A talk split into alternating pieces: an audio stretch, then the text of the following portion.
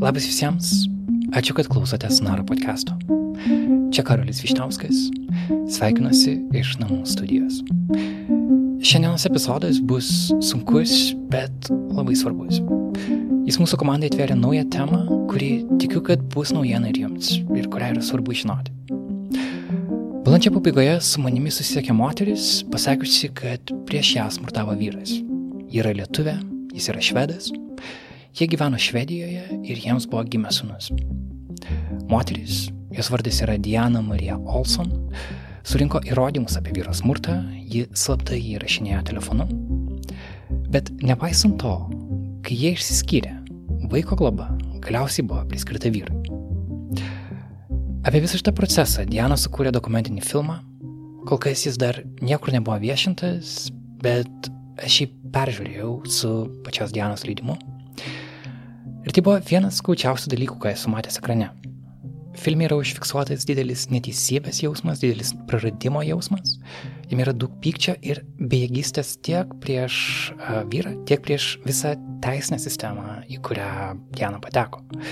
Ir kaip sako, ji pati, jos istorija nėra vienetinė, ji nėra išskirtinė.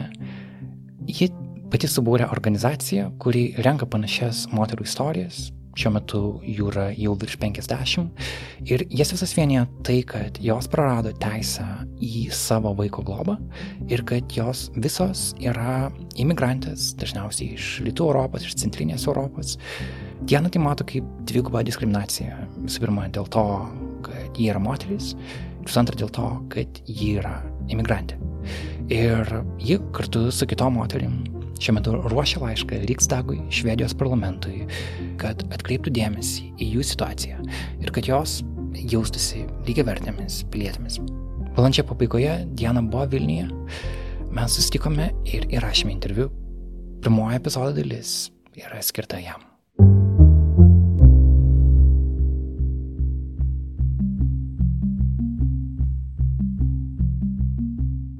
Antroje dalyje temą tęsiu Klaipėdoje, Ten susitikome su daktarė Dalė Puidukenė.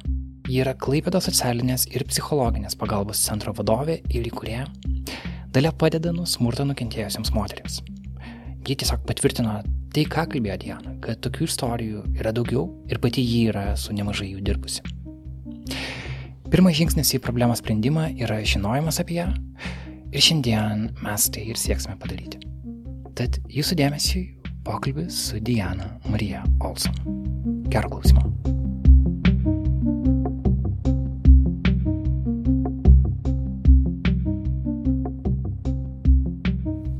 Esu Diana, dirbo žurnalistė Lietuvoje, studijavau žurnalistiką, lietuvių filologiją, režisūrą, viešosius ryšius Vilniaus universitete. 2012 metais išvykau į Švediją. Kaip atrodė jūsų gyvenimas iki išvykstant į Švediją? Aš labai myliu Lietuvą, aš labai myliu savo šalį ir man viskas Lietuvoje buvo labai gerai. Aš niekada neturėjau tokių minčių, kad išvykti iš Lietuvos, palikti Lietuvą. Emigru... Netgi studijų metu, tarkim, yra Erasmus programos ar dar kažkas, aš kažkaip nelabai buvau suinteresuota, nes aš dažniausiai iš karto jau dirbdavau, kai studijavau ir man labai patiko mano darbas. Aš dirbau dienraštį, teatre, radijoje, televizijoje. Kažkaip iš karto atradau save mano studijos buvo tai, apie ką aš svajojau visą laiką, ką aš norėjau studijuoti ir aš paskui iš karto pradėjau ir dirbti, bestudijuodama. Ir tarkim, aš studijavau du bakalaurus iš karto vienu metu žurnalistiką ir režisūrą lietuvių filologiją. Ir tarkim, paskutiniais metais, kai turėjau, tarkim, būdavo keli egzaminai per vieną dieną. Mhm. ir kai pabaigiau visus egzaminus, atsidūriau ligoniniai. Buvo išsekimas, bet kai tau patinka kažkas labai, tai tau net netrodo, kad tu čia dirbi, ar tu kažką tai labai daug darai, tai tiesiog tavo aistra. Ir tu studijuoji, kad įgautum tas žinias ir tu iš karto dirbi, kur tu jau panaudoji tas žinias ir nu, tu tuo tiki. Ir... mm. Ir tada suprantu, kad savo darbo metu jūs susipažinot su savo tuo metu būsimu vyru, ar ne? Ne, tai buvo toks netikėtas, tai buvo koncertas Katrinos bažnyčios, bažnyčiai. Um, tuo metu buvo Vilnius Europos kultūros sostinė 2009-ieji. Ir, jo, ir buvo labai netikėtai, visai neplanavau į tą koncertą. Ir uh, mano pažįst, net, netikėtai sutikau savo kaimyną, kuris irgi skandinavas, ir jisai nety, netyčia sutiko švedų chorą ir mes buvom iš karto pakviesti į tą chorą. Ir nuėjom paklausyti koncertą ir ten susipažinau su savo vyru. Ir kai jisai pasakė, kad jisai yra matematikas, man iš karto kažkaip, nes mano mamos brolis buvo matematikas, jis buvo genijos matematikai. Ir kažkaip jis visą laiką buvo toksai autoritetas mūsų šeimoje, toksai žmogus, idėjų pasaulį, virš to visų materializmų. O aš tuo metu dirbau Seime ir televizijai ir kažkaip to buvo man truputėlį per daug. Tai, tai jis buvo matematikas, bet jis, jūs sutikote į koncerte kaip uh, Kaip dainininkas, taip, kaip viena iš solistų. A, tai jis matematikas, kuris taip pat yra ir choro. Taip, taip, dainininkas. taip, taip, čia hobi. Aha. Ir ar jūs buvote bu- buvusi Švedijoje iki tol? Taip, taip, esu buvusi ir turėjau labai gerą įspūdį apie Švediją. Man labai patiko. Man Švedija iš viso pasirodė, kaip kad pas mus yra Nida. Nida man vienas mėgstamiausių mūsų miestelių, toks žvėjų miestelis. Ir kai aš nuvažiavau į Švediją, man pasirodė visa Švedija tarsi tokia didžiulė Nida. Ten tie mediniai nameliai, mažos švieselės languose. Ir tokia pasirodė labai jauki šalis, kad žmonės daug šypsosi, jie visi tokie laimingi. Mm. Kažkaip nėra to tokio, pas mus kažkaip žmonės susirūpinę labai. Lietuvoje vis tiek mes turėjom tokią sunkę istorinę praeitį ir taip toliau, ir tai nu, visai nenuostabu, dėl ko taip yra. O Švedija kažkaip tokio lengvumo labai daug. Ir kaip jūs persikėlėte į Švediją? Jūs suprantu, kad bendravote iš pradžių būdami skirtingose šalise? Taip. Ir, Apie du su pusę metų. aha, ir tada nusprendėt pradėti gyventi kartu Švedijoje. Kai- Gal galite apie tą sprendimą papasakoti? Jo, tai toksai, mes vis tai planuodam, tai jo, reikėjo apsispręsti, arba jis atvažiuoja, arba aš važiuoju. Ir tokio klausimo, kad jisai atvažiuotų čia net kažkaip nebuvo. Tai buvo toksai labai sunkus metas, kai buvo ta distance relationship. Ir vienu metu aš pradėjau daryti laidą, skuriau pilotą Raudonų kilimo su savo geriausia drauge, kuri yra medikė šiaip iš tikrųjų, bet labai talentinga, apie kiną. Padarėme interviu su mūsų garsiais režisieriais. Ir kai aš gavau tą projektą, mano vyras sako, ne, tu negali dabar pradėti dirbti to, tos televi... negali daryti tos televizijos laidos, tu turi atvykti į Švediją. Ir aš tada nepradėjau dirbti tą laidą ir išvažiavau į Švediją. Ir jūs jau buvote susituokę tada? Ar... Ne, mes dar nebuvom susitokę. Aha. Ir tada mm, susitokėt Švedijoje, būdami. būdami... Jo, jo, Stoholme. Aha. Kaip, kaip greitai, kaip jūs atvykote? Um, tai buvo 2016 metais, aš išvykau į Švediją 2012. O, ne, atsiprašau, 2015. Mhm. Jo, tai buvo 2015. Ir jūs buvot pažįstami jau, jau nemažai metų. Jau tada? nemažai, jo. Mes buvom susižadėję dar gal porą metų prieš, kol prisis- susitokėm. Ir tada susilaukėt e, sūnaus. Sunaus taip. Aha. Supratau. Ir e, suprantu, kad ilgą laiką jūsų santykis atrodė labai gražus ir kad e, kažkuriuo metu atsirado kažkokie, kažkokie raudonos vėliavos kažkokios e, santykios. Ir dabar iš laiko perspektyvos, kaip jūs tai matot, kas, e, kada pradėjo atsiras problemos ir kaip, kaip jūs, kas atsitiko. Šiaip tos iš tikrųjų problemos buvo nuo pat pradžių. Nuo pat pat pradžių. Bet yra toks posakis meilė kla. Ir tu to nematai. Mato galbūt žmonės, kai kurie iš šalies, kurie uh, mano geriausia draugė. Tuo metu, su kuria buvau padarius tą laidą. Ir plus kažkaip tu nematai to kituose žmonėse, nežinau. Galbūt nežinau, šiaip pas mus reikėtų mokykloje padaryti kursą apie, kad kai kurie vyrai, gal net ir moterys, čia neskirstant e, vyrai, moterys, kai yra kažkokio manipuliavimo būdai, kai tu, tu galvoji, kad viskas gerai, bet iš tikrųjų nėra gerai ir tu net pradedi kaltinti save, kad tu galbūt kažko labai gerai nepadarėjai, nes, nu, čia tavo pačio kaltė. O kokie tie dalykai buvo? Aš suprantu, kad tai, kad, pavyzdžiui, jūs norėjote daryti laidos projektą ir tarsi vyras sakė, kad geriau Ne. nedarykit, toks jau čia kažkas Jo, yra. jo, jau čia ir buvo, jis niekada nenorėjo, kad aš būčiau savarankiška, net kai mes turėjom tą, um, kaip pasakyti, distance relationship, kaip čia lietuviškai.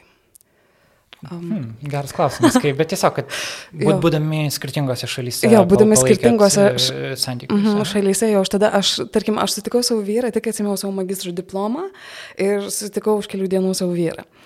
Ir nuo tada mano karjera ne tai, kad nesus, nesustoju, bet jinai leidosi žemyn. Ir, ir aš manau, kad tai jau yra raudona vėliavėlė. Mhm. O kai jūs vykote į Švediją, kokios buvo tada jūsų mintys? Ar jūs galvojot, kad tai, tai kažkaip jūsų karjerą galės, na, kilstelti kitą lygį, ar, e, o gal kaip tik turėt baimę, nes jūsų kontaktai buvo Lietuvoje, galų galiai yra kalbos aspektas, ar ne, aš nežinau, jūs kalbėjote švediškai tuo metu. Tai Mm, įdomus, kokiais lūkesčiais jūs vykot į Švediją, kokios buvo, kokio jūs vylėtės gal, ir kokias baimės turėjot tuo metu. Aš kažkaip baimų didelių neturėjau, man viskas atrodė kaip iššūkiai. Mano mėgstamiausias dar universitete um, paskaita buvo krizių valdymas su Dalė Kutraitė. Buvo labai šauni dėstytoja. Ir, ir tai man kažkaip vat, atrodė, kad čia vat, geras iššūkis, kaip ir vat, pabandyti tai, nu, švediją. Ir aš, tarkim, švedijoje švedų kalbą išmokau per keturis mėnesius. Ir, jo, ir gavau dar net iš švedų valstybės, ten 12 tūkstančių kronų, kas man buvo labai dideli pinigai tada. ir tada aš e, pradėjau iš karto studijuoti um, antrą magistrą Lundo o, universitete. Tie, tie pinigai buvo skirti kokią progą? Tiesiog, kad aš, per, kad aš greitai pabaigiau. Wow. Jo, nes žmonės ten studijuoja du metus, tarkim, o aš pabaigiau per keturis mėnesius. Tai wow. jiem, taip, tai tokia motivacinė mhm. paskatinimas, kaip ir gražu. Tada paskui aš dar studijavau Lunde antrą magistrą, nes galvojau, man dažniausiai visi darbai ateidavo, kai aš studijuodavau. Per kažkokias dėstytojų rekomendacijas ar kažkas tai panašaus. Ir galvoju, čia toks irgi būtų geriausias kelias, kad tu per, kartu su savo žiniom, dėstytojai taip toliau, ir tu paskui pamatai kitus kelius, kur tu galėtum toj šaly, ką tu toj šaly galėtum sukurti gerų, kurioje vietoje, kur ko reikia. Taip, tada ir pabaigiau tą antrą magistrą Lundo universitete. Bet ar buvo metas, tada, kai jūs atsikraustėt ir kada jūs su savo vyru jau kūrėt, e, tiesiog kūrėt šeimą, kad jums buvo smagu, kad jums pavyko, kad jūs džiaugiatės. Taip, taip, aš galvoju, kad mes šeima ir, ir, ir jisai mane vos ne vadinama savo žmoną nuo pat pirmo mūsų susitikimo. Ir tokia buvo sukurta, kaip pasakyti, tokia šilta atmosfera. Hmm. Ir... Bet kada tuomet prasidėjo, kad jūs pajutėt, kad, čia prasideda kažkas nebe taip, kad jums jau nebepatinka. Kai prasidėjo ekonominis, psichologinis smurtas, kai aš tarkim negalėdavau dirbti. O kaip buvo, jūs turėjote kažkokį darbo pasiūlymą, ar jums... Tarkim, aš Lietuvoje, dar kai mes turėjom tą draugystę, aš išėjau iš Seimo, iš televizijos, ten turėjau tokį projektą ir... O Seime jūs buvot... Padėjėja. Mhm. Mm, ir... Kažkurio Seimo nario. Taip, mhm. taip, taip, taip. Ir, ir... Bet paskui taip išėjo, kad... Um, kad mes nebuvom kartu, nors mes buvom susitarę. Tiesiog aš pamačiau, kad kartais aš negaliu pasitikėti, ką tas žmogus sako. Mhm. Kad paskui taip nebūna, jis, jo, nebūna taip, kaip jisai pasako. Ir, jo, ir tada, kai atsirado toksai nepasitikėjimas, kad tu matai, žmogus vieną pasako, kitą padaro ir aš tada norėjau skirtis. Ir tai būdavo pas mus tokie kartai, kad aš sakau, galbūt geriau, kad mes įsiskiriam. Ir tada būdavo jisai grasindavom, kad nusiždys. Taip, ir, bet taip, nu, realiai. Ir jis tam pradeda pjaustytis venas ar dar kažkas panašaus. Ir, ir tu supranti, tu nori kažkaip padėti tam žmogui, tu, tau toksai net lengva šokas, toksai, tu nežinai, ką daryti. Ir tu jautiesi pati kalta, kad tarsi tu priverti jį dabar tai padaryti. Iš pradžių jisai tą tokį naudodavo prieš save, tarkim, draugystėje, kol mes draugavom, o paskui viskas atsisuko prieš mane. Ir jūsų vaikas jau buvo gimęs tuo metu? Kaip prasidėjo jūsų konfliktai? Taip. Aha. Aš vaiku visą laiką rūpinausi, tarkim, visą laiką nuo pat jo gimimo. Man vyras nepadėdavo su vaiku, net tarkim, kai aš turėjau darbo pokalbį, nuvažiuoti, nuvykti į e, Švedijos nacionalinę televiziją, ir paprašiau vyro, ar tu galėtum pabūti su vaiku, tai būtų tik vienas vakaras, nes aš palikčiau darželį ryte ir grįžčiau į Stoholmą paskui vakare ir sako, ne, negalėčiau. Aš tada sakau, bet tai, man tai labai svarbu, čia sakau, mano pirmas projektas, nes aš tik tada įkūriau savo kompaniją producerinę ir kad gaučiau tą pokalbį, tai užtruku, užtruku truputėlį. Ir Ir jis tada sako, bet sakau, tu, tau dabar atostogos, nes jisai yra mokytojas, e, dėstytojas universitete. Ir jis tai sako, taip, man dabar yra atostogos, dėl to aš tau ir negaliu padėti. Ir, ir tada sako, ir aš, nu, ten prasideda vos ne, kad tu maldauji, tave priverčiu maldauti. Ir tada, kai jisai sako, gerai, aš tau padėsiu, bet padėsiu po mėnesio. Ir aš tada Švedijos nacionalinės televizijos savo vadovam rašau, galėsiu atvykti interviu po mėnesio. Ir kai aš pamačiau, kad nu, tai jisai labai veikia mano karjerą, mano darbą, mano galimybės ir kad aš visą laiką su vaiku ir kad net kažkokio man reikia vienu vakaru ir kad tai labai sunku gauti. Ir kažkaip tu jau nori išeiti iš to, iš to viso. Čia dar prieš tas visas, kai jis ten papasakoja apie kažkokias meilužės ar dar kažką, tu jau matai, kad čia kažkas negerai ir tu nori išeiti su savo vaiku kartu.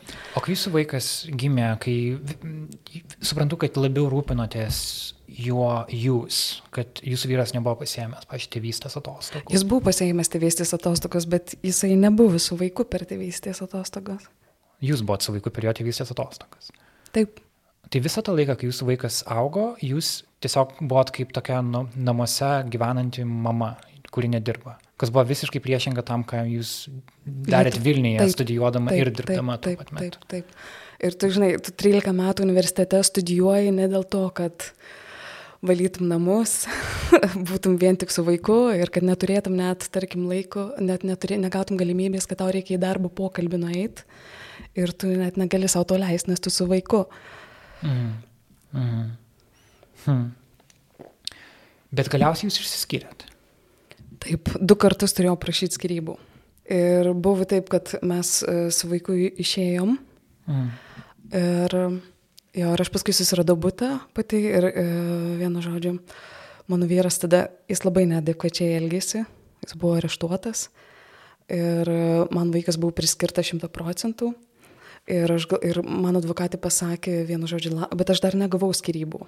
Um, nors Švedijoje po tokių kai kurių poelgių gali iš karto jau gauti, nes yra priežastis, kad, nu, kad išskirtų. Ir, bet aš vis dar negavau ir mano advokatė pasakė lauk. Ir tarkim, e, ir buvo toks dalykas, kad jis turėjo teisę, tarkim, aš e, įgavau teisę, kad nesusitikti su juo, kad jis nu, negalėjo prisartinti prie manęs, bet tarkim, jis turėjo teisę sutikinėti su vaiku, net nu, pasimti vaiką iš darželio. O tuo metu jūs gyvenat nuomojamam taip, bute? Taip, taip, aš susiradau būtą, žodžiu, šalia vaikų darželių ir jo. O iš, iš ko jūs tuo metu gyvenat? Aš tuo metu turi, gavau, e, nuvažiavau tą darbo pokalbį ir gavau tą projektą, šimta procentų finansuojamą ir dariau filmą ir gavau finansavimą filmui. Aišku, tai e, ir dalis tai buvo mano kažkoks tai jo uždarbis. Bet e, pasidaigė taip, kad aš, tarkim, negalėjau ilgą laiką dirbti visai, nes buvau su vaiku 24 valandas per parą. Ir nes vaikas pasiskundė, kad tėtis įmušė bet, e, tarkim, e, į tai niekas nekreipi dėmesio ir socialinis tos darbuotojas pasako, gerai, būkit su vaiku namuose. Ir tu būni su vaiku, nu, tik tai taip. Tai tuo metu jau socialiniai darbuotojai jau, jau žinojo įsikiš. apie jūsų taip, šeimos taip, atvejį? Taip, Aha. taip, taip. Jie, jie tuomet, kai mes persikrustėm su vaiku į tą krizių centrą. Tai pirmiausia, iš namų jūs vykote į krizių centrą. Krizių centrą, taip. Tiesiog Išėjot su vaiku, nes negalėjot Taip. namie būti. Aha. E, mes į krizių centrą išėjom tada, kai, kai atsisuku prieš vaiką, kai jis pradėjo prieš vaiką smurtauti. Ir tada aš mano mamai tai yra visą laiką paskutinis taškas, nes aš dar laukiau, aš dariau dar tą filmą. Ir aš dar vis laukiu, nes aš žinau, jeigu aš išeisiu tuo metu, kad jis nusugriaus man karjerą, kad aš nebepabaigsiu to filmo. Tai aš dar vis kentėjau, aš net truputėlį, kaip pasakyti, dėl filmų, dėl lojalumo kolegoms, taip toliau, apsimečiau, kad aš noriu su juo būti, kad, aš, kad viskas gerai, nes jisai man, pavyzdžiui, visą laiką sakė, Diena, nesvarbu, čia tai meilužė, tu esi mano žmona, tu, čia mano sūnus ir aš noriu daugiau vaikų su tavim turėti. Ir man tai kažkaip skambėjo labai nelogiškai, nes uh, tai jau vien, dėl ko jis man pasakė, kad turiu meilužę, tai dėl to, kad jinai pradėjo lauktis vaiko ir jis jau laukėsi kito vaiko. Tai, bet tu tiesiog paskui jau nori išeiti iš viso to, e, žodžiu, nes tau tai yra nepriimtina. O kaip tuomet kildavo smurtas prieš vaiką? Pavyzdžiui, pirmą kartą, jūs, koks tai buvo atvejis? Kad, prieš vaiką? Taip, kaip taip. Tarkim, į darželį e, ryte e, paprašiau, kad aprengti vaiką, nes truputėlį vėlavau. Ir kol pati rengiausi, paprašiau, kad aprengtų. Ir vaikas, jisai buvo truputėlį, žinot, iš miego toksai ir žilesnis, jis pradėjo verkti. Ir jis pradėjo tą vaiką kratyti, nu, kad jisai neverktų, kad nuramint jį. Kiek metų buvo vaikui tada? O vaikui tada buvo du metukai, kažkas tai. Mhm. Mm. Ir, o dar aš buvau prisiskaičius, dar kai kūdikis būna, kai ką tu ir jiem čia galvyti, ten kažkas, nu, labai pavojinga man, man toks šokas buvo ir aš tada paėmiau tą vaiką iš jo ir tada jisai labai kaltina, kaip pasakyti, tu dabar čia nori pasirodyti, kad tu čia gera mama, o aš čia blogas tėtis ir jis tada pradeda, ta agresija atsigręžia prieš mane. Ir mano vaikas visą tai mato. Kai aš tik pasakiau, kad skirsiuosi, žodžiu, tada galvoju, kad jis mane nužudys. Ir man ten visi flashbackai prasisuko vienu žodžiu. Ir tada aš net bijojau apie tokį dalyką net pradėti kalbėti, kaip skirybos. E, pagrindinis jo argumentas šiaip būdavo pagatinti visą laiką, kad jis atims man vaiką, bet aš kažkaip galvoju, čia Švedija, čia tikrai nu jis to nepadarys, bet aš turiu būti protingai, vis tiek kažkaip. Tai aš nuėjau pas advokatą ir sakau, ką man daryti tokiai situacijai, kaip, žodžiu. Ir nes tu labiausiai galvo apie vaiką, kaip, vat, irgi. Ir, žodžiai, jisai sako, tada padaryk įrašus ir sako, pradėk apie tai kalbėti su žmonėm, kad jie paskui galėtų būti tavo liudininkai. Tai aš pradėjau daryti įrašus ir paskui ir pradėjau kalbėti su žmonėm. Now I got a knife beside my neck. I have done worse things than this. Du kan slå mig! Du är så jävla... You have no right to beat me. Do you understand that?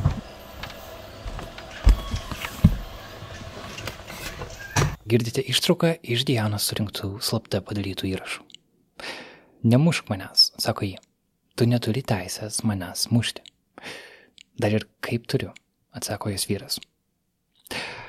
Iš pradžių, pirmajame teisme šie įrašai suveikė. Teismas pripažino, kad vyras prieš ją smurtavo ir kad vaiko globa turi būti priskirta jai.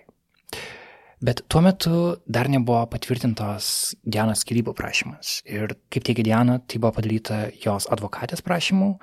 Jie buvo patarta kol kas neišsiskirti, nes kitaip ji praras dalį pinigų, kuriuos gauna kaip šeima. Dianos vyras šį teismo sprendimą apskundė ir tada Diana pradėjo ginti kitą advokatę. Tai aš paprašiau dar kartą, antrą kartą skirybų. Ir kai tik tai paprašiau, kai tik tai gavau skirybas, po kelių mėnesių, tada jo aš gavau skirybas ir iš karto nutraukau tie 250 eurų mano vaikui ir dar po kitų mėnesių praradau vaiką.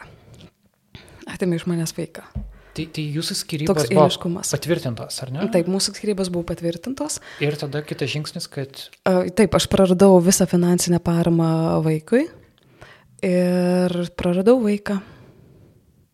Tada buvo kitas teismas, taip, tada buvo vėl kitas teismas ir vienas teismas nusprendė, kad mes dabar dalinsimės vaiką, um, kaip pasakyti, pusę laiko jisai, pusę laiko aš. Uh, Ir man buvo taip, galvoju, jeigu pirmas teismas pripažino, kad jisai yra smurtavęs ir kad, jisai, kad vaikas turi būti su manim ir mes su vaiku 24 valandas, aš nedirbau, aš nedariau dėl savo karjeros nieko kažką, investavau visus savo nepinigus ir taip toliau, ką aš turėjau resursus į savo vaiką, kad apsaugot, kad mes būtumėm kartu.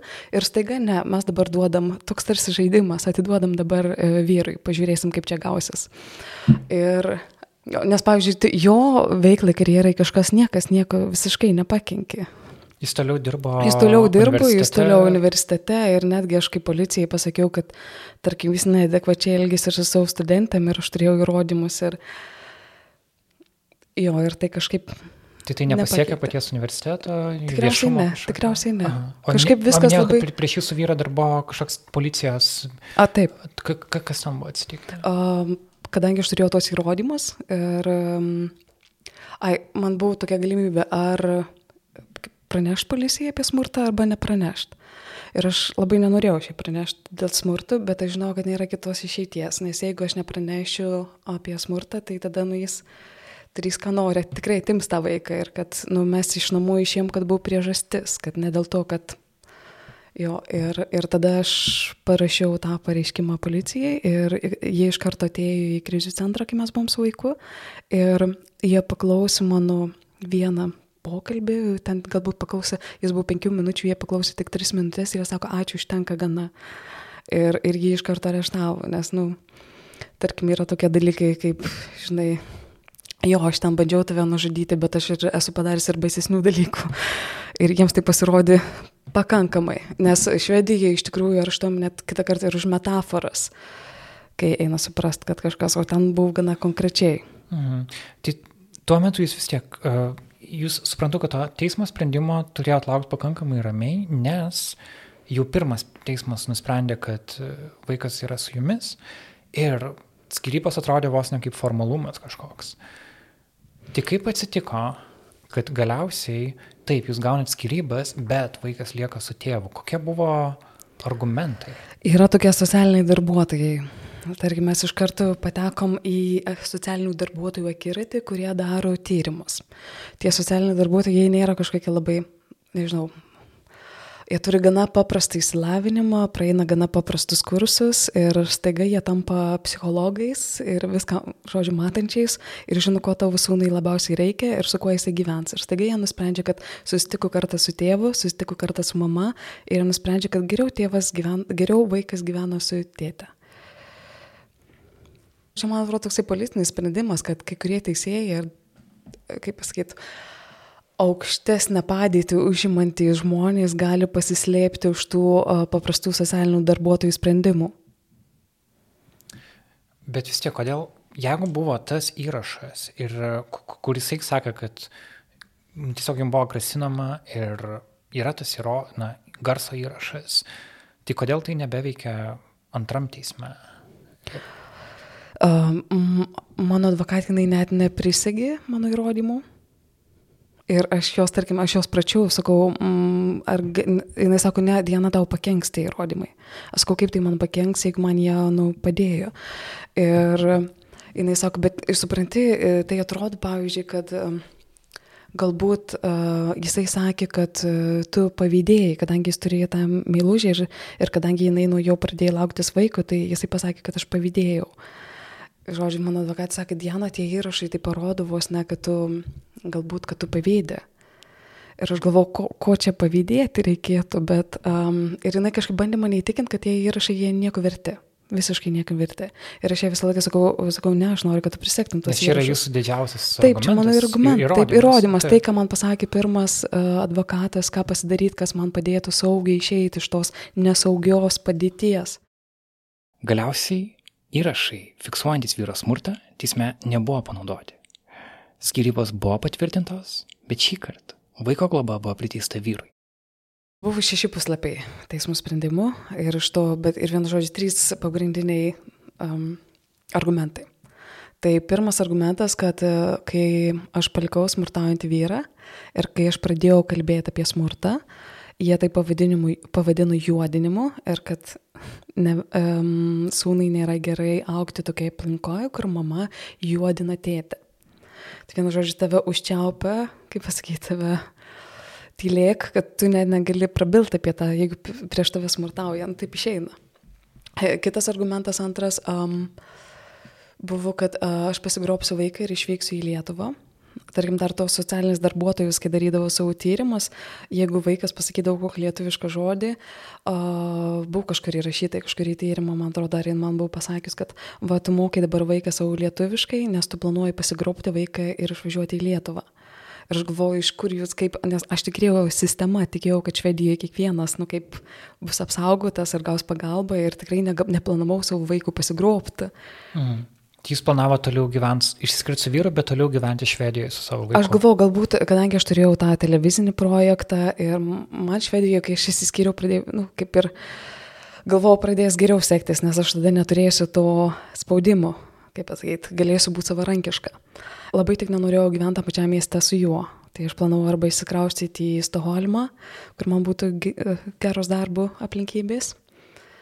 Ir mano advokatė visą laiką sakydavo, tu dieną, tu lauk, tu tik lauk. Ir tu lauk, ir, pavyzdžiui, buvo tas uh, tarpas, kai aš negalėjau dirbti ir turėjau mokėti visus mokesčius, viską tu lauk, lauk. Ir galiausiai tu toksai esi kaip bankrupt. Ir staigiai iš tavęs atima vaiką. Tave padaro vos ne neįgalę tokia pati sistema. Mm. Ir kas dar buvo ten nutarti, kokį, kokį dar buvo? Ir kitas argumentai? buvo, trečias dalykas buvo, kad uh, tėtis turi geresnės ekonominės sąlygas. Taip. Ir tėtis pradėjo teismą pasakot, kaip jisai turi, kad jisai turi didelį būtą ir kad jo vaikui būtų geriau ten su juo aukti. Ir, ir pavyzdžiui, kai mes skiriamės, mūsų toksai dalykas, tarkim, mes turėjom bendras santaupas kažkokias, tai, tai buvo visiškai nepadalinta. Kai iš namų išėjau, galėjau, turėjau teisę pasimti tik tai savo kažkokius drabužius ir vaiko keltą drabužių, o jisai galėjo visus rimti viską. Mes ten nieko daug neturėjom kažkokių vertingų labai dalykų, bet, nu, iš esmės, kad vienam žmogui leidžiama, o kitam ne, tai Mm. O tai kaip dabar atrodo gyvenimas jūsų, jūsų vaiko ir jūsų vyro? Vaikas yra Malmėje taip. su jūsų vyru ir jūs turite teisę su juo susitikti, bet labai retai. Keturis kartus per metus. Kuriam laikui? O per šventinės atostogas, per Velykas, vasarą, um, rudens atostogas ir kalėdas. Nes savaitį ar... Savaitai. E, Vasarą truputėlį ilgiau. Tai truputį daugiau nei mėnesį per metus jūs galite su vaiku. Kažkas tai, jo, jo. Mhm. Ir visą kitą laiką jisai būna su tėvu. Te, teisiškai aš turiu teisę taip pat pamatyti vaiką tik tai apie savaitę per tas atostogas ir, ir vasarą. Ir kiek laiko Tai jūs... Kiek Ir laiko... tik Švedijai. Aha. Tai pavyzdžiui, jūsų, nežinau, jūsų mama, jūsų šeima turėtų skristi į Švediją, kad galėtų Taip. su juos susitikti. Tai mano mama nematė jau labai ilgai uh, anuko. Bet jūs buvot grįžę tuo metu dar, na, kažkada buvot su vaiku grįžę į Lietuvą, gal, ar, nežinau, buvo kažkokie susitikimai tuo metu. A, dar kai aš gyvenau šeimoje, mano mama, tai, tarkim, buvo aplankę, bet sakau, man buvo tas dalykas, ka- kad aš, pavyzdžiui, po metų tų teismų, a, kai tu, tarkim, neturi galimybės dirbti ir tu išleidi viską, tu, tu netgi, tarkim, tu gauni pinigų filmui ir tu net negali filmui kurti, o tu turi juos sunaudoti tam, kad išlaikytum vaiką. Ir tau galiausiai reikia e, pabaigti filmą sukurti, padaryti produktą ir tai, aišku, tu nori tą padaryti, tai tau pirmas projektas Švedijoje, kitoj šalyje. Ir, ir taip išeina, kad tu jau nebeturi tų, ką tau duoda, nes tu rūpinaisi vaiku ir tu negalėjai dirbti. Ir tai man buvo toksai, kad aš uh, atsisakiau jų kontraktų, nukencelinau kontraktą savo būtų. Praktiškai mes likom ant gatvės su sunam. Ir, mm. ir, ir turėjau pabaigti filmą ir, žodžiu, esi tokia, kaip pasakyti, beviltiškai padėti. O tai galiausiai jūs užbaigėte filmą? Taip, taip. Gerai, man, man dar padėjo kolegos čia iš Lietuvos. O koks į filmas beje buvo? Flikan Flaskan Fusterlandat. Čia buvo apie, iš tikrųjų, tas filmas, tai aš dariau tą filmą apie savo vyro chorą. Mano pirminė idėja buvo tokia, kad, uh, šiaip aš visą laiką, aš pirmą kartą, kai juos pamačiau uh, dainuojant bažnyčiai, aš jau žiūrėjau visą laiką, žinai, profesinė tokia uh, prigimtis, žiūri, iš kokio kampo čia pafilmuotum, kaip čia kas gražiai vienu žodžiu gaunasi ir aš jau turėjau vos ne dešimt metų padaryti. Uh, žinai, visą laiką tu darai kažkokios tai darbus, ką tu matai aplink save. Ir norėjau padaryti apie tą chorą. Ir buvo man toks lūžis vieną kartą mūsų gatvėje Švedijoje per dvi savaitės sudegino keturis automobilius. Ir aš taip galvoju, kodėl niekas nieko nedaro. Ir galvoju, kaip, galvoju, ar tai vyriška sudegina dabar automobilius, man reikia atkurti kažkokį kitą vyriškumų prototipą, kad nu, tai visai nevyriška. Ir galvoju, šitas švedų choras, vat, žmonės susirenka, kad dainuotų, kad įkvėptų visuomenę, kad iš tikrųjų tas pažeidžiamumas toksai, kad jis būtų tarsi ta stiprybė, kad tai yra cool dainuoti, vat, kitus įkvėpti. Ir aš tada vat, su tokia idėja vat, ir papasakau. Tai ir jūsų vyras buvo tame filme. Taip, taip, taip, taip. taip. Tai taip. jūs, jūs su juo turit visą šitą konfliktą ir tuo pat metu jūs turit užbaigti, esat kaip ir priklausoma nuo projekto. Taip. Apie jo chorą, taip. tarsi taip jisai dar jūs laiko. Taip, aš sakiau, dėl to aš pasilikau dar pusę metų, uh, nes aš gavau tą projektą ir aš norėjau jau, kaip pasakyti, išsiskirti su juo, bet aš žinau, jeigu aš išsiskirsiu, tai nu aš nepabaigsiu to projekto. Ir iš tikrųjų, kas ir buvo, tarkim, aš pusę metų vis dar buvau su juo, bet galiausiai, kai tai atsisuku prieš vaiką, kaip jau minėjau, ir man buvo likęs tik paskutinis vienintelis filmavimas, aš galvoju, viskas nebelauksime, su vaiku išeidam. Ir taip ir buvo, kad e, aš vos nepraradau to projekto, nes buvau susisiekta su Švedų nacionalinė televizija, aš buvau apjuodinta. Ir nors iš tikrųjų aš kažkaip dar galvoju, kad uh, va, tas, tarkim, vyrų choras, kad kaip tik kažkaip jie stotų tos moters pusėje, to silpnesnio, to vaiko pusėje, kad, tarkim, žiūrėjau kažkada, mačiau ir pasis, ten narui buvo paminėtas toksai yra vienas autoris Kats, man atrodo, jisai rašė kažkada, kad turėtų daugiau vyrų ateiti, kurie padėtų, jo, kad iš tikrųjų tai nėra moterų problema, nes dažnai sakoma, kad tai yra moterų problema, kad daugiau vyrų turėtų stoti į tą moters pusę, nes, žodžiu, nes jiems reikia tos O pagalbos. tai to choro kolegos žino apie šitą istoriją. Jo. Ir Aš kai ir buvau krizių, aš kai buvau, kai mes su sunum buvom krizių centre ir aš tada supratau, kad nu, aš negaliu nueiti į, nuvykti į filmavimus, nes mes visą laiką tam krizių centre. Ir tas dalykas toksai kaip ir nenorėjau jų, kaip paskaičiai, ir mano reputacija, aišku, kenkė, ir kitas dalykas, aš ne- nenorėjau pasirodyti neatsakinga, kad nu, man jų filmas rūpi ir jų repeticijos rūpi ir kad aš noriu filmuoti ir aš tada jiems pasakiau, kad aš esu krizių centre ir net kažkaip dar galvojau, kad vat, galbūt būtų kažkoks palaikymas, nes aš žinau, kad man bus nelengva išsiskirti, žinau, kad tikrai bus nelengva. Tačiau tas visas palaikymas, kažkaip jie iš karto perėjo į mano vyrų pusę. Bet čia tas suprantama, nes, nu, jie ten, nežinau, 20 metų kartu dainavę ir susidainavę.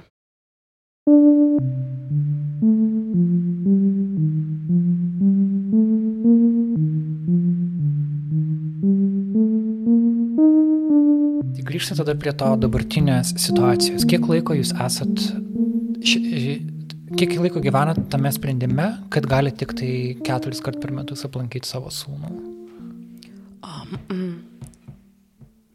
Jau du metai. Mm. Ir jūsų sūnui dabar yra ke- keli metai? Jam dabar ketu, bus penki, Aha. birželį pirmą. Mhm. Ir kaip atrodo tie susitikimai? Ar jūs turite būti, jūs kažkokią turite erdvę atskirai su juo būti, ar jūs turite būti vyro namuose? Aš tengiuosi su juo kaip nesimatyti, uh, nes man nežinau, galbūt vis tiek yra ta uh, trauma. Man buvo šį teismų posėdžius pamatydavau ir man pradėdavau kažkaip yra reakcija tokia. Bet tu tą supranti tik tada, aš, pavyzdžiui, supratau, kad aš visą laiką dešimt metų buvau ant adatų, bet aš tą supratau tik tada, kai aš įsikrauščiau į krizių centrą, nes tada mes pasijautėm saugus tam krizių centre. Ir tu tik tada supranti, kad, wow, reikėtų anksčiau padaryti. Ir aš kažkaip nutrūkau nuo temos. Ne, nu, aš tiesiog bandau įsivaizduoti. Tai, Ai, ir aš dabar, gy- jo, aš gyvenu tą ir visą laiką, pavyzdžiui, kai aš e, atsakiau tą būtą, aš turėjau sumokėti visus už filmą, už taip toliau ir, ir kaip sakau, po tos, e, kai neturėjau teisės dirbti, praradau gana nemažai. Ir paskui turėjau ir surasti vėl visai kitus žmonės. Ir, jo. Bet ką aš noriu pasakyti, tai, um, žodžiu, taip atsidūriu, kad aš pradėjau gyventi. Tu, tu, lieki kaip, vat, kaip man ir vyras sakė, žinai, tu liksi ant gatvės, tu neturėsi ką valgyti, tu neturėsi pinigų, tu neturėsi savo vaiko. Ir tas žmogus, tas, kuris tikrai, kuris tengiasi ir studijuoti, ir dirbti, ir taip toliau, ir taip, tu esi tokiai padėti. Ir, ir tai aš gyvenau ir pas kaiminę, ir pas draugę, ir, ir, ir aš tikrai ir buvau taip, kad jo, ir aš net nenorėjau savo sunaus ten turėti, nes aš norėjau, kad mano vaikas visą laiką norėjo sakyti, mama, kodėl mes čia esame, aš noriu į tavo namus. O jūs jau O jų namų, o tų namų nėra. Mhm. Ir, jo, ir, pavyzdžiui, aš dabar irgi, tarkim, gyvenu pas draugę Švedijoje. Tai aš esu tik tai, sakau, atsakau, yra labai toksai geras dalykas, kaip pasakyti, kiekvienoje šalyje tu pamatai, kad yra gerų žmonių. Mm. O, mm, o aš bandau suvokti, jeigu jūs su vaiku praleido tiek daug laiko, jūs turėjot būti tiesiog labai artimi. Ir dabar jūs susitinkat tam trumpam laikui. Kaip, kaip pats vaikas jaučiasi, na, jisai, aš suprantu, kad turi keistis tas santykis. Galbūt jisai labiau priprato būti su tėčiu, dabar gal ju- jum kaž, kažkaip, kad tai, ką jūs sukūrėt, būdami kartu dabar, tas kažkaip keičiasi. Mm.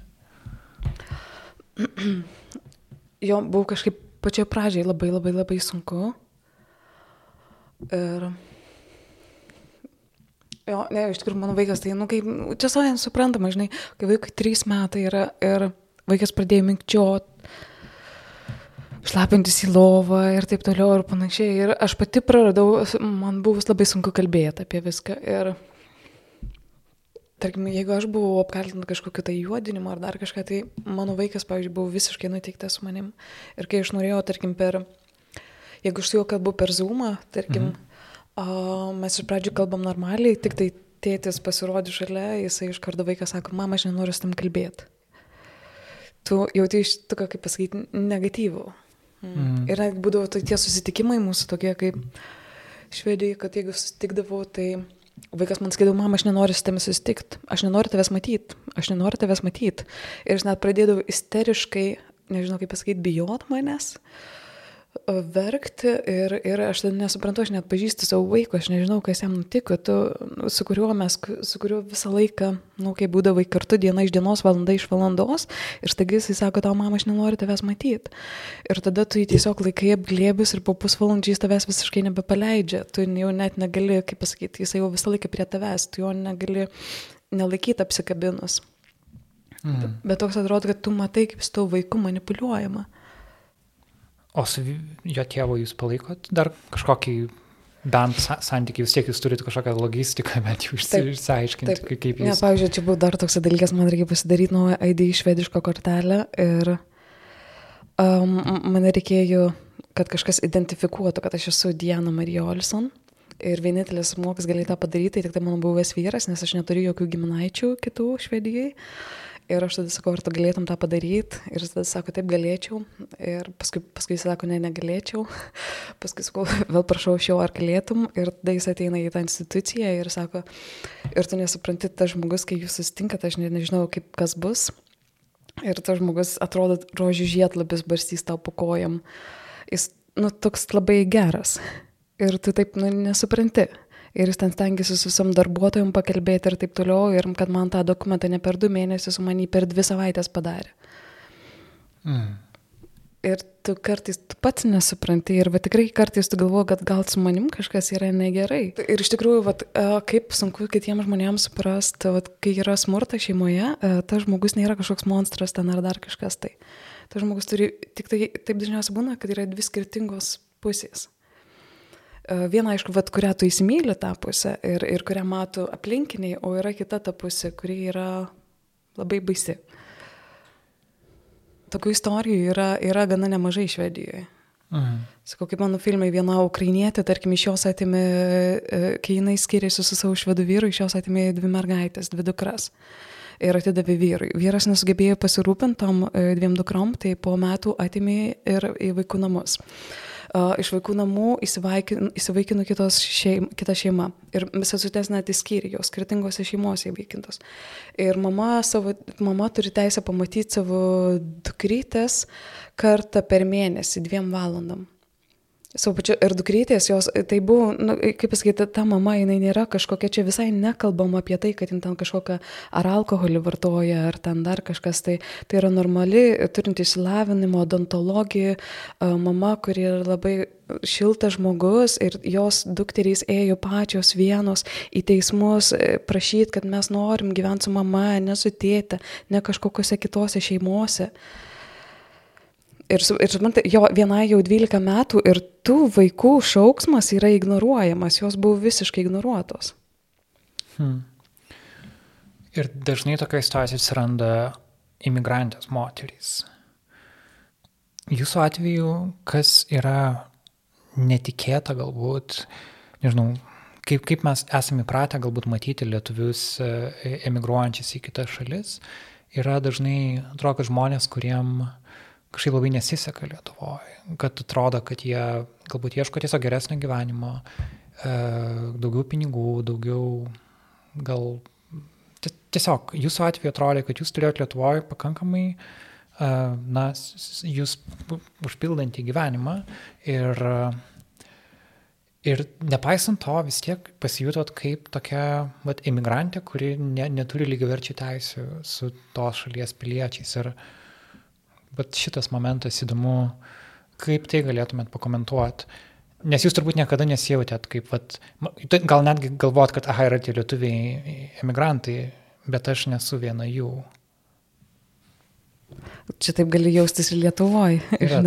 Ne, iš tikrųjų, aš nežinau, aš tai, aš tai kaip tik, mat, tie emigrantai, jie išvažiuoja dirbti, jie išvažiuoja, jie daro kažką tai gero tai šaliai, nesvarbu, ar tu braškės skini, ar tu kompanijoje kažką tai. Jo, jo. Tai yra darbas, jie darbštus, jie Tiesiog, dirba. Aš gal čia tarsi įdėjau, įdėjau žodžius jiem į lūpas, bet yra, tarkim, nežinau, į Junktinį karalystę daug yra išvykusių, tarkim, lietuvių, kurie stengiasi vengti kitų lietuvių Londone, ar ne, nes sakytų, kad jie daro blogą kažkokį įvaizdį visai, mm. man jie kenkia, ar ne. Mm. Tai jūs atrodo, buvo toj sąlygoje, kad irgi galėjot galvoti, kad, aha, yra ten Norvegijos, ten, nežinau, žuvų fabrikuose lietuviai, bet štai esu aš išsilavinusi jauna moteris ir aš esu, ir kad kažkurio metu jūs vis tiek galiausiai pasijutot kaip vat, kažkaip Mm. antros klasės pilietė. Mm.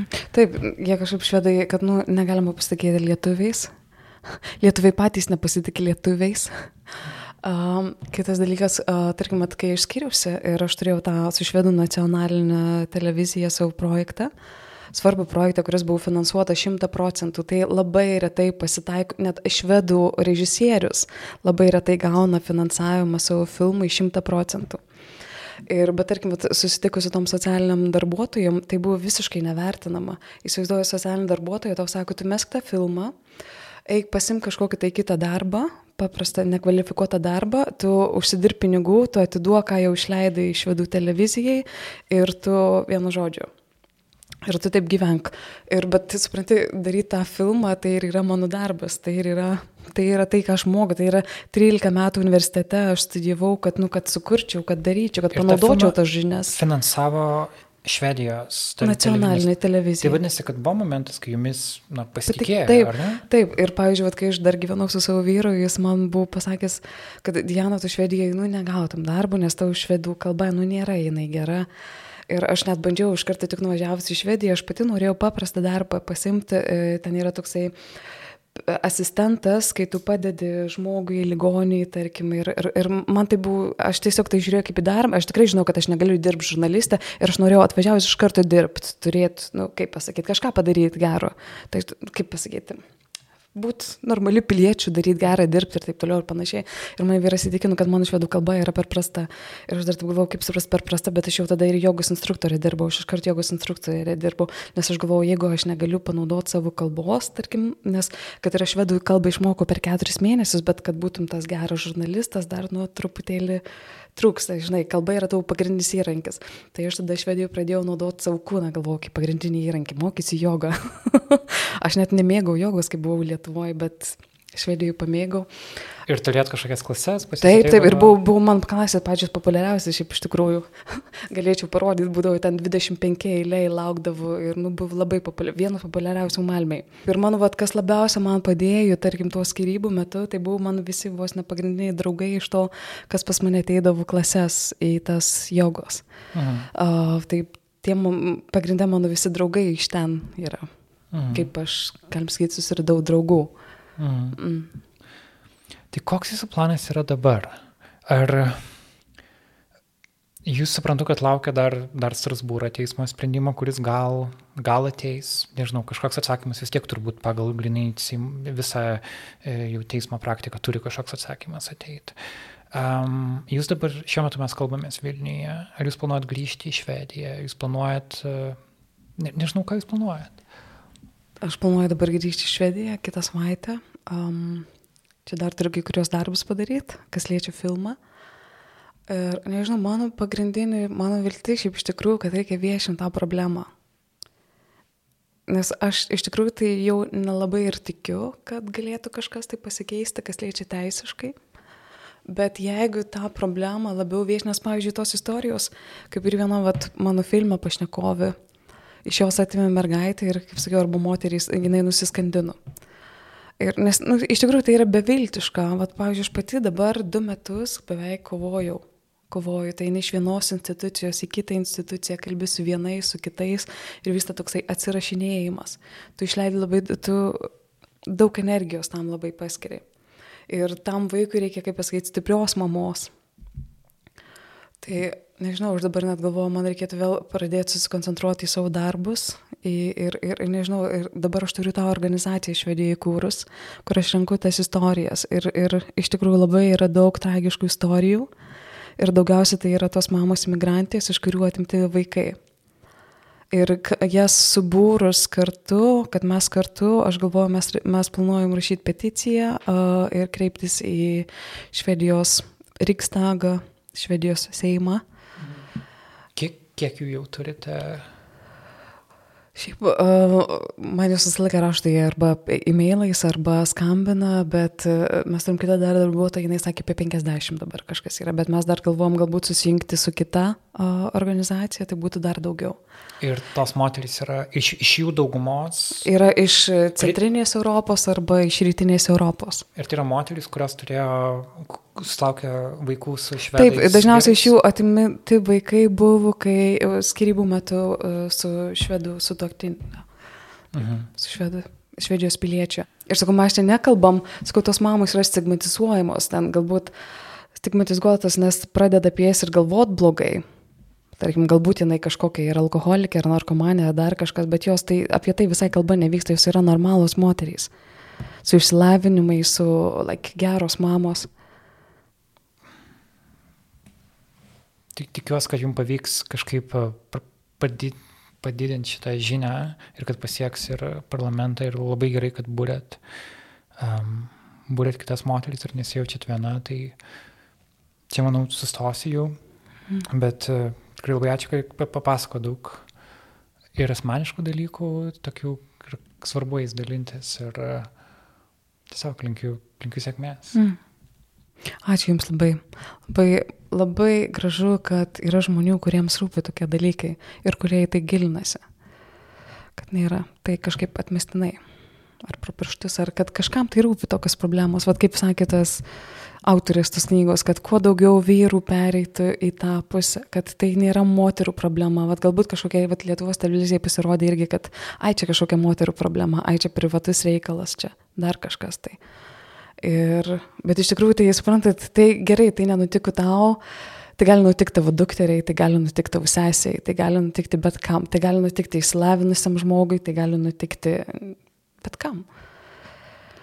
Ir, ir iš tikrųjų vat, labai gražu, kad kuo daugiau, kad, nes tai iš tikrųjų, kad kuo daugiau irgi vyrų pereitų į tą situaciją, kad tai nėra vien tik moterų reikalas. Ačiū Dianai labai. Mm. Ačiū Jums, Karoliu.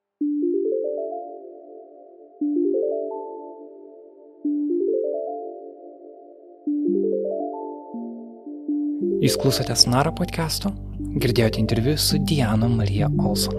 Su ja kalbėjausi aš, Karolis Višnauskas. Vienas iš žmonių, kurie Lietuvoje padėjo Dianai, buvo daktarė Dalia Puidokinė. Ji gyvena ir dirba Klaipėdoje. Čia yra įkūrusi Klaipėdos socialinės ir psichologinės pagalbos centrą. Daliai Dianos istorija nebuvo nauja. Ji anksčiau buvo girdėjusi daug panašių tos pačios istorijos versijų. Ir turint omeny tarptautinį visos situacijos mastą, dalios galios padėti yra labai suvaržytos. Vis dėlto ji daro, ką gali ir mes nuvažiavome jos aplankyti Klaipėdoje, kad sužinotume daugiau konteksto apie jos darbą ir apie kitų moterų istorijas.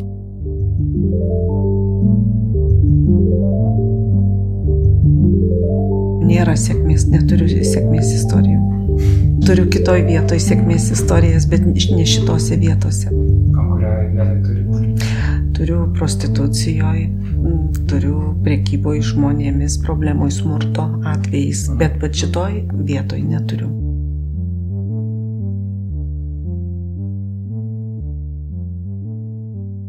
Diana man parašė į Messengerį, sakydama labai įdomiai parašė ir įtartinai man, nu, bet, kaip pasakyti, tai nebuvo nauja kažkas. Jis man parašė, kad jinai žino, kad aš turiu organizaciją įkūrusi, kuri padeda moteriams kadangi ir jinai yra įkūrusi organizaciją Švedijoje ir jinai norėtų e, na, tiesiog pasikonsultuoti, gal patarimų kažkokių. Ir tas man, aišku, sukėlė tokių įtarimų. Žinot, dažnai būna jau, mes dirbam 18 metų, būdavo tokių atvejų, kada, mm, sakykime, moterys sako, nu va, ėjau pro šalį, ėjau link jūros, užėjau pasižiūrėti, ką jūs čia veikėt. Dažniausiai būna apgalvotas tas parašymas. E, taip, todėl kad nėra paprasta, nėra paprasta prabilti apie tai, nežiūrint tai, galbūt jau tu daugam šnekėjai ir daug, bet naujas sutiktas žmogus, nepažįstamas, tu nežinai, ko gali iš jo tikėtis.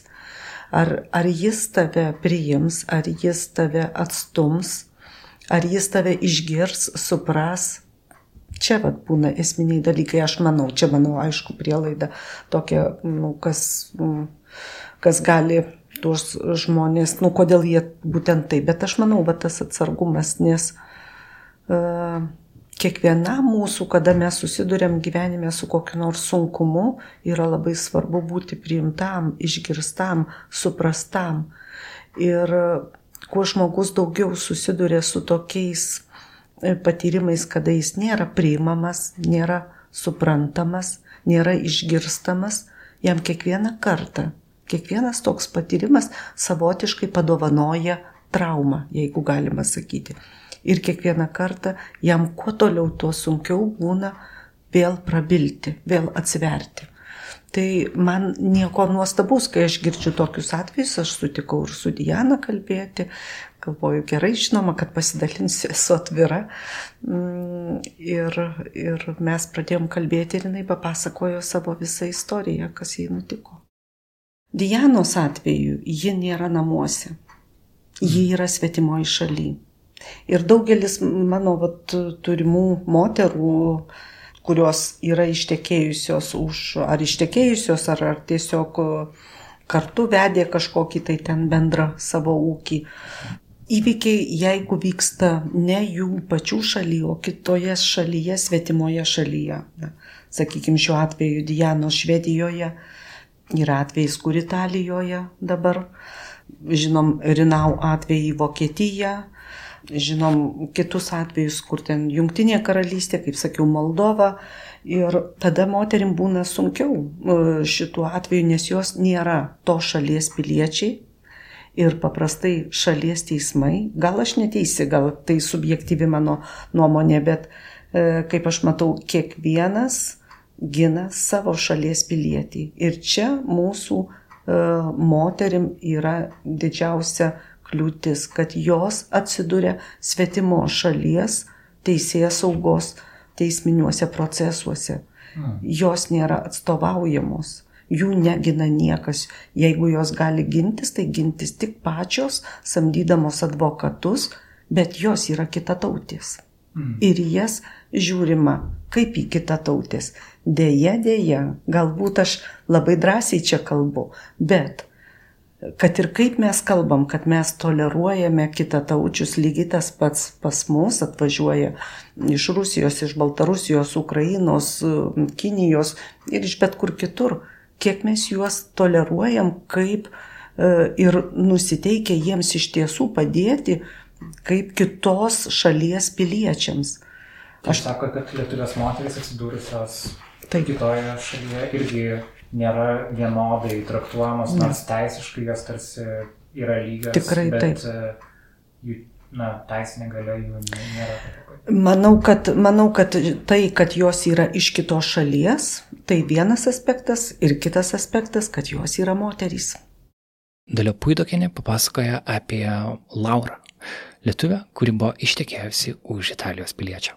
Moteris vat, buvo ištekėjusi už Italijos piliečio Ir 15 metais tai vat, įvykis vyksta kažkur apie, reiškia, apie šešis daugiau metų. 15 metais gimė jiems dukra, mergaitė, jinai ištekėjo, mokėsi, ten, reiškia, susipažino Italijoje, daug jie keliaudavo. Tačiau vat, pati pradžia man labai įdomiai, taip, reiškia, sutarė, kad tuoktis, nu, jie irgi katalikai, abu su vyru, kaip jinai sako, esame katalikai. Bet likus dviems mėnesiams vyras su savo šeima paprašė, kad civilinė santoka būtų įregistruota Italijoje. Kodėl? E, aišku, čia gali kilti daug klausimų, bet kodėl tu sutikai, o kodėl nenorėjai, kad, nu, čia vat Lietuvoje vis tik būtų. Bet jinai sutiko, sutiko žmogus nieko blogo neįtardamas, nenumanydamas, kad čia kažkas gali būti. Nors santuoka ir vestuvių šventė vyko Lietuvoje. Į registraciją Italijoje. Reiškia, kada skaitai ir e, taip truputėlį atsitraukęs ir žiūri, jau čia kyla įtarimai. Kodėl? Jeigu šventė ir e, visa vyksta Lietuvoje, tai kodėl santoką registruoti Italijoje? Vadinasi, turimas kažkoks tai jau iš ankstinis tikslas. Toliau, mm, e, jo, kaip ta moteris kalba, tai jinai kad, mm, rašo, kad jie, reiškia, neplanavo Italijoje apsistoti, mm, nors ir susipažino Italijoje, bet buvo įkūrę verslą nekilnojimo turto Tenerifėje, tai Ispanijoje. Ir ten galvojo gyventi. Vyras prieš tai gyveno Tailandė apie metus laiko. Na ir e, kada jau jinai pastojo, pirmą neštumą, pirmas neštumas pas ją buvo toks nesėkmingas, antras neštumas jinai labai išgyveno, kad nu, vat, viskas būtų gerai. Tada jinai parvažiavo, kaip jinai sako, kad būtų ramesnė aplinka, parvažiavau ir galvodama, kad gimdysiu Lietuvoje, tai parvažiavo į namus. Vyras prieš mėnesį ir mėnesį po Vat atvažiavo prieš gimdymą mėnesį ir pabuvo dar mėnesį po. Ir vėl man įtarimas, gimsta jų dviejų vaikutis, ilgai lauktas. Ir tu paimi ir išvažiuoji, palieki žmoną, nu, nesvarbu, kad tai yra jo šalis, bet tai vis tiek tai vaikas, tai yra atskira nu, šeima, galų galę jie susitokė. Bet jis išvažiavo į Japoniją vienas atostogauti. Vėl labai įdomus faktas.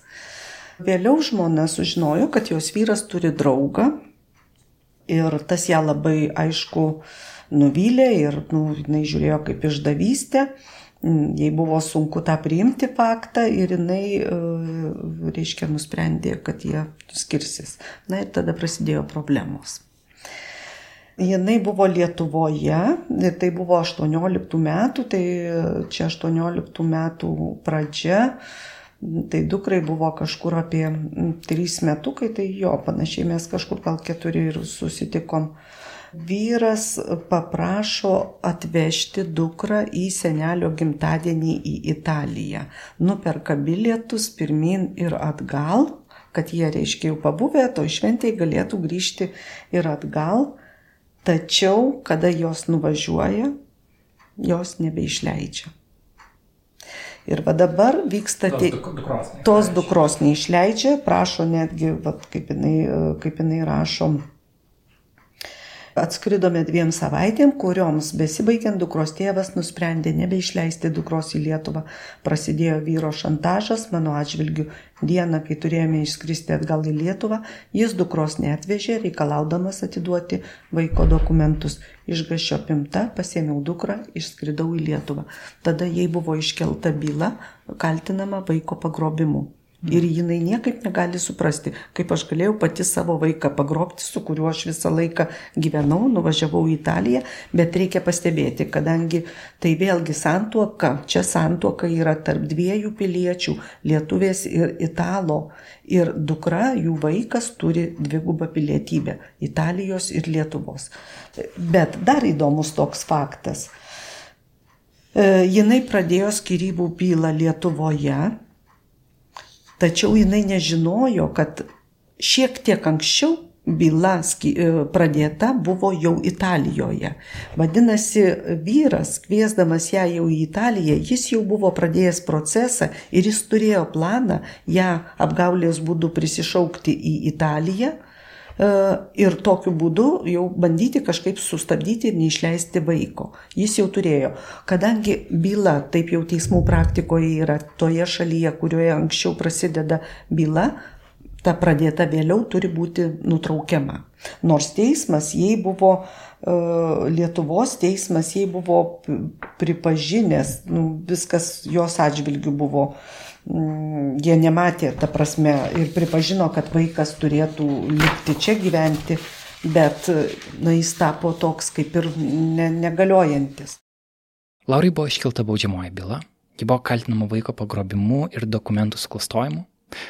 Ji Italijoje buvo nubausta liktinai aštuoniams mėnesiams ir šiame teisme liudininkė buvo Lauros vyro mamos namų valytoja.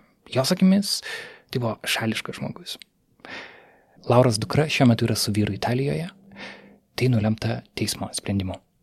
Kas yra santoka? Tai yra teisinis įsipareigojimas vienas kitam. Reiškia, jeigu tu susaistai save kažkur, tai tu turi daug dalykų žinoti, kas būtų, jeigu būtų. Tu turi daug prisidėti visokių saugiklių. Aš nekalbu, kad tas nereikalinga Lietuvoje. Ir Lietuvoje lygiai taip pat, dėl ko yra įvairios galbūt ten su, sutartys ir santokos susitarimai, arba dėl ko kitą kartą žmonės sako, mes net nesituokėm. Nes, nu, santuoka, jeigu paskui atsitinka taip, kad žmonės nori skirtis ir eiti kiekvieną savo keliu, jie susiduria su labai daug problemų, ypatingai jeigu tai dar kažkokie turtiniai dalykai įsipainioja. Kada atsiranda vaikai, vaikai irgi yra ta jungtis, kuris sieja du žmonės.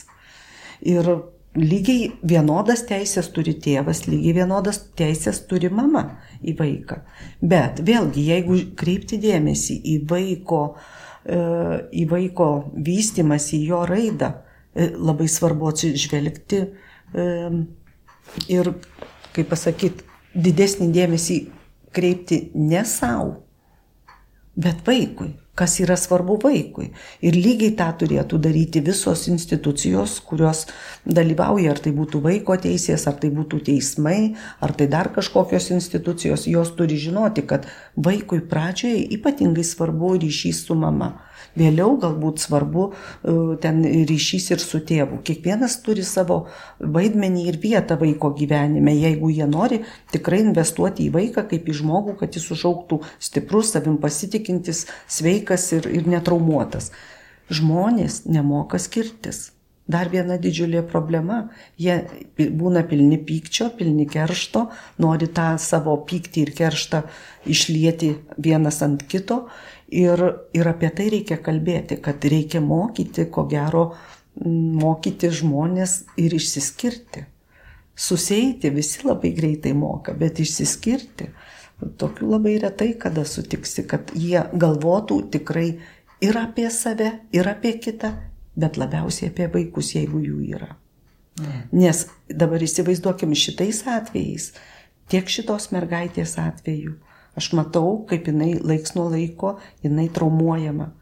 Kažkada keli metai atgal aš sutikau Inga Rinau ir klausiu, kaip tau sekasi. Na, ką sako, važinėjau. Reikia nepamiršti, kad Inga Rinau jau turėjo vaiką jos ankstesnis e, sūnus vyresnis buvo su negale, jinai jo negalėjo vežtis į, į Vokietiją, jinai palikdavo jį čia, važiuodavo į Vokietiją. Dabar jau jos mergaitė paauglė, jinai susitikinėja, kaip ir anksčiau jau sakė, dėl savo pažangaus elgesio gavo daugiau, kaip pasakyti, e, tokių sąlygų ir, ir galimybių matytis. Bet dukra ir sako, tu ne viską mama padarėjai Mm. Tu ne viską padarėjai, kad aš ten likau. Įsivaizduojat, ką reiškia mamai girdėti tokius vaikai, vaikams sunku suprasti, kodėl, kodėl, vat, m, sakau, Inga, tai netiesa. Sako, aš pati žinau, kad tai netiesa, nes aš mačiau, kiek jinai darė. Ir jinai sodindavo dviejų metukų pusant ten mergytę, kad jinai galėtų bendrauti su tėvu prieš, priešais Skype ko, kas tai per bendravimas, nes vyras taip norėjo, vyras versdavo. Ir je, nes jeigu jinai nepaklus, jis turės objektyvių faktų, kad jinai kažkam nepakluso. Tai nu, čia būdavo matyti tą visą virtuvę, kaip vyksta tos manipulacijos ir vaikų įtraukimas. E, Italijos atveju aš lygiai tą patį matau. Įrankis yra mergaitė ir moteris jinai važiuoja, jinai eikvoja pinigus, jinai leidžia pinigus galų gale tiem patiem advokatam, bandydama, tikėdamasi, vildamasi, kad kažkas, nu, jos linkme teismai vil, vilkinami. Įsivaizduojat, ką mm. reiškia išleisti, juos reikia uždirbti, išleisti krūvą pinigų. Jinai pardavė Tenerifei turėtą būtą ir pat viską investuoja į, advokat, į advokatų paslaugas. Paklausiau Dalios Puidikinės, ar Lietuvos valstybė padeda šiems moteriams? Visgi jos yra Lietuvos pilietės. Nežinau, gal mes ne viską žinom, bet tiek, kiek mums teko domėtis, um, tai yra atskiros valstybės, atskiros teisinės sistemos, nėra tarptautinių kažkokių, matyt, susitarimų ar, ar dar kažko. Vienintelis dalykas, kurio mes laukiam ir tą tikrai darysim, ir su Dianos atveju, pas Diana yra praeitas, tai tikrai skūsime e, tarptautinėms e, teisinėms žmogaus teisų instancijoms e, apie tokį aplaidų, sakyčiau, teismų vilkinimą teismų procesų ir tokį žmogaus teisų, tokį grubų pažeidimą. Ir tai tikrai eisim. Tačiau ten irgi yra reikalavimai, kad būtų praeitos visos insta instancijos teisinės. Dianos atveju tinka, jinai visas praėjusi. Lauros atveju ne. Dar, dar, dar viskas procese. Dianos atveju yra pasibaigę teismai Švedijoje, tačiau mes kreipsimės į SIDAU komitetą. Tai SIDAU komitetas tai moterų prieš diskriminaciją, moterų teisų gynimo komitetas ir jungtinių tautų ir jį kreipsimės ir kad jie nagrinėtų šitus atvejus toliau. Mm. Nes kol pateiksi, kol paruoši, dabar vat, esam procese, kol teisininkė peržiūri, e, mūsų teisininkė peržiūri visus dokumentus, nes vėlgi tai jinai kreipiasi ne į vieną teisininką ir uh, kitą kartą gali riboti ir tie patys finansai, nes nu, teisininkai suprantama, kad tai yra uh, darbas ir e, didžiulis darbas ir dokumentai visi išversti, visą tai ne, ne šiaip savo išversti, bet jie turi patvirtintai būti išversti, notariškai patvirtinti, visą tai kainuoja padaryti tą oficialų leidimą, kuris, kuris tiktų teismui. Na, viskas kainuoja, galų gale advokato paslaugos irgi kainuoja. E, tai Ir galų gale ten išnagrinėjimas vėlgi užima kažkiek laiko, ten nebūna, kad būna mėn, keli mėnesiai. Ir kaip jūs sakot, viskas vaiko nenaudai, vaikas. Vaikas mamos nemato, vaikas neauga, nevalgo, nemiega, nežaidžia kartu su mama kiekvieną dieną, kas vaikui yra labai svarbu. Ypatingai mažam vaikui, vaiko vystimuisi yra traumos paliekamos, paliekamų tokių atimamų vaikų aš prilyginčiau lygiai taip pat, kai buvo laikotarpis, kada žmonės buvo tremiami į Sibirą ir buvo daugelis šeimų, aš pati turiu mamą, kuri buvo palikta, jos, nes jos tėvai buvo ištremti į Sibirą. Aš matau, kas tai yra. Mamai 80 metų, traumos dar gyvos iki pačiol ir mes jas jaučiam kelintoj kartoj. Tai čia labai aiški žinutė. Mes neginam savo piliečių. Mes leidžiam, kad tas vyktų. Klausant dalios ir matant, į kokią situaciją patenka moterys, kurios bilinėjasi dėl savo vaiko globos, kilo ir radikali mintis, kad galbūt neverta iš tos kovos kovoti, nes tu negalės laimėti. Gal tu gali bandyti dėti toliau, kurti naują šeimą, sulaukti, kai tavo vaikai bus pilnamečiai ir tada bandyti kažkaip su jais atkurti ryšį. Aš pats neturiu vaikų ir nežinau, kokią būseną tu patenki, kai tu jų turi. Dėl to pabaigai paprašiau dalios komentaro apie tai, ar šios moterys nepasmerkia savęs pralaimėjimui ir dar didesniai traumai. Kaip tu gali nuolat gyventi su tuo neteisybės jausmu ir kaip iš jo išeiti. Aš pati nebuvau palikta ir pati nepalikau savo vaikų. Man savo pačios, e, galbūt man dar daugiau kažkokių atsirastų atsakymų. Bet aš turėjau mamą, kuri, turiu mamą dar vis, kuri buvo palikta. Palikta, kai jinai buvo kažkur uh, penkių, septynių metukų. Jos tėvai ir ne šiaip savo ją paliko tėvai. Ją paliko, tė, nes tėvus išvežė. Jis žinojo, kad tėvus išvežė ir jinai liko čia ir jinai buvo apgaulės būdu išve, iš, išvesta pas tetą, kad jinai ten pabūtų, kad jinai nematytų viso to. Bet kaip vaikas, jinai jautė, sako, aš pabėgau iš tėtos ir parbėgu namo ir matau visur langai atidarinėti, kaimynai vedasi visus e, ten gyvulius, nešiojasi daiktus ir sako, tėvų nėra. Įsivaizduot, ką reiškia vaikui, jinai sako, šitą vaizdą aš jau nešiuosi iki grabo lentos. Bet jinai turi šitą vaizdą. Tai lygiai taip pat paimkim šitų moterų istorijas. Jų vaikai, aš įsivaizduoju, ta mergaitė, kurią pagrobė tuo met, kai jai buvo, kiek jai ten Irinau kalbų atvejai, jai buvo kažkur gal apie keturi metukai kažkur tai Tai jinai turėjo siaubą išgyventi, nes jau tas vaikas keturių metų jau atsimena. Vaikai nepri, gali neprisiminti ir į pasąmonę išstumti iki trijų metų, bet po trijų metų jie viską prisimena. Ir jis važiuoja, jinai nužinojo, kad ten tėvas yra, bet su tuo tėvu tai jinai neturėjo, kažkai kiek daug tų kontaktų ir tokio ryšio, kokį jinai turėjo su mama. Ir vaikui ypatingai tas ryšys yra sutraukomas, tos jungtys, kurios yra labai svarbios vaiko pirmaisiais gyvenimo metais su mama. Jos yra sutraukomos.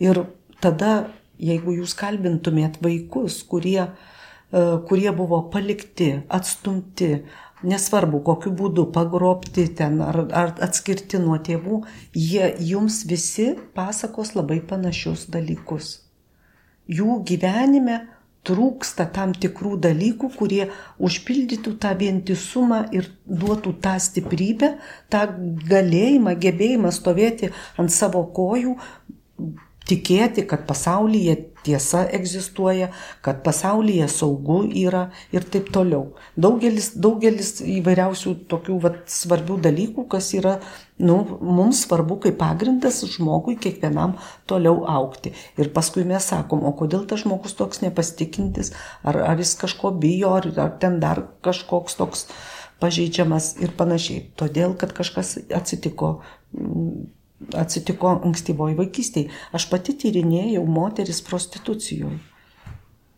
Mesgi dažnai girdim ką, kad jos pačios pasirenka šitą kelią. Bet didžioji dauguma, e, aplamai, remiantis tyrimais, 95 procentai moterų patyrusios seksualinę prievartą.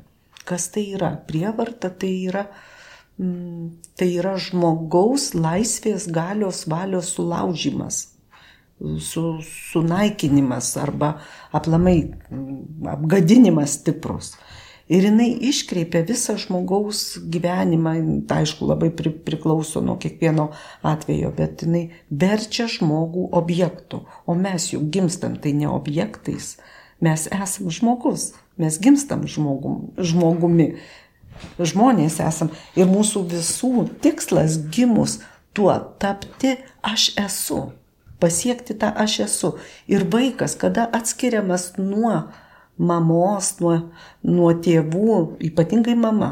Pirmajam laikotarpį visi, kurie tyrinėja vaikų gyvenimus, tyrimai apie tai kalba, vaikų raidą, jie tvirtina vieną pirmais gyvenimo metais yra labai svarbus santykis su mama. Aišku, paskui labai svarbus tėvas, bet jeigu vaikas gyvena va šitam manipulacijų, tokiam e, kaltinimų atmosferoje, įsivaizduokit, kokias jį žinias gauna. Ir aišku, moteriai priimti va tą sprendimą, na, galima atsisakyti, galima sustoti, bet aš suprantu daugelis moterų, mm, žinot, ko jos siekia? Jų tikslas būna susigražinti teisingumą, teisingumo egzistavimą, kad pasaulyje tiesa yra, kad tiesa egzistuoja. Ir ta nei viena šalis šitos tiesos negali padėti. Nei tai moteriai Italijoje, nei Dianai Švedijoje, nei dar bet kuriai kitai. Niekas nepadeda tiesos užtikrinti. Teisingumas kuris, kurio tikslas, ko gero, padėti žmogui jaustis ir atstatyti tiesą, negali, negeba. Nes tu ne to šalies pilietė. Ir be to jausmo labai sunku kažkaip judėti pirmieną kažką naujo, kuris turbūt.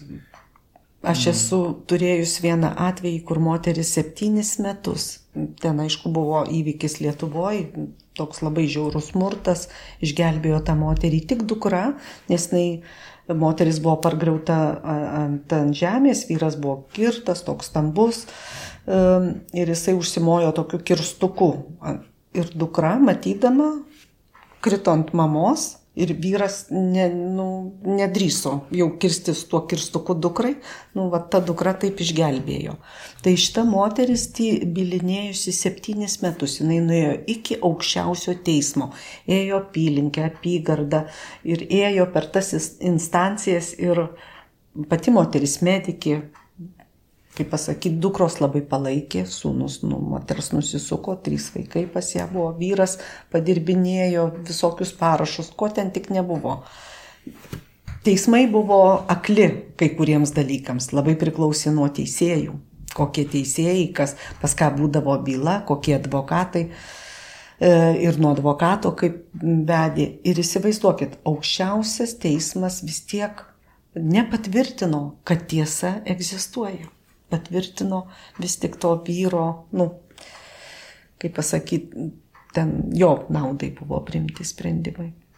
Mm. Nes ten buvo ir turto, turtinių daug dalykų, ne tik išskirti, juos išskyrė, bet ten buvo paskui jų turtiniai dalykai, kurie, kas jai priklauso, kas ne jai. Tai jis norėjo ją palikti basą, pliką, vat, kad tu jau jeigu pasipriešinai ir už savo kovoji laisvę, tai jinai turi kainą.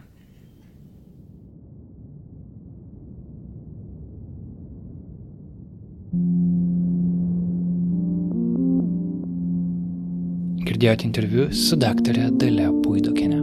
Klaipėdos socialinės ir psichologinės pagalbos centro įkūrėja ir vadovė.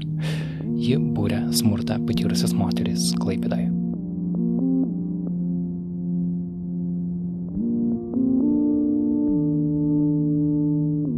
Toks mūsų epizodas šiandien. Ačiū, kad buvote kartu, ačiū, kad klausėtės Naro podcast'o. Mūsų tinklalapyje Nara.lt ir mūsų Instagram'e galite pamatyti fotografijas Dianos Marijos Olson, ją fotografavo Karolis Pilypas Liutkevičius ir taip pat Dalia Puidukenė, ją fotografavo Paula Bumbulytė.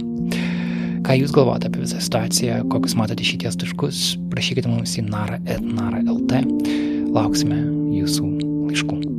Šį epizodą iš dalies rėmė aktyvių piliečių fondas, o mūsų nuolatiniai finansiniai garantai esat jūs patys.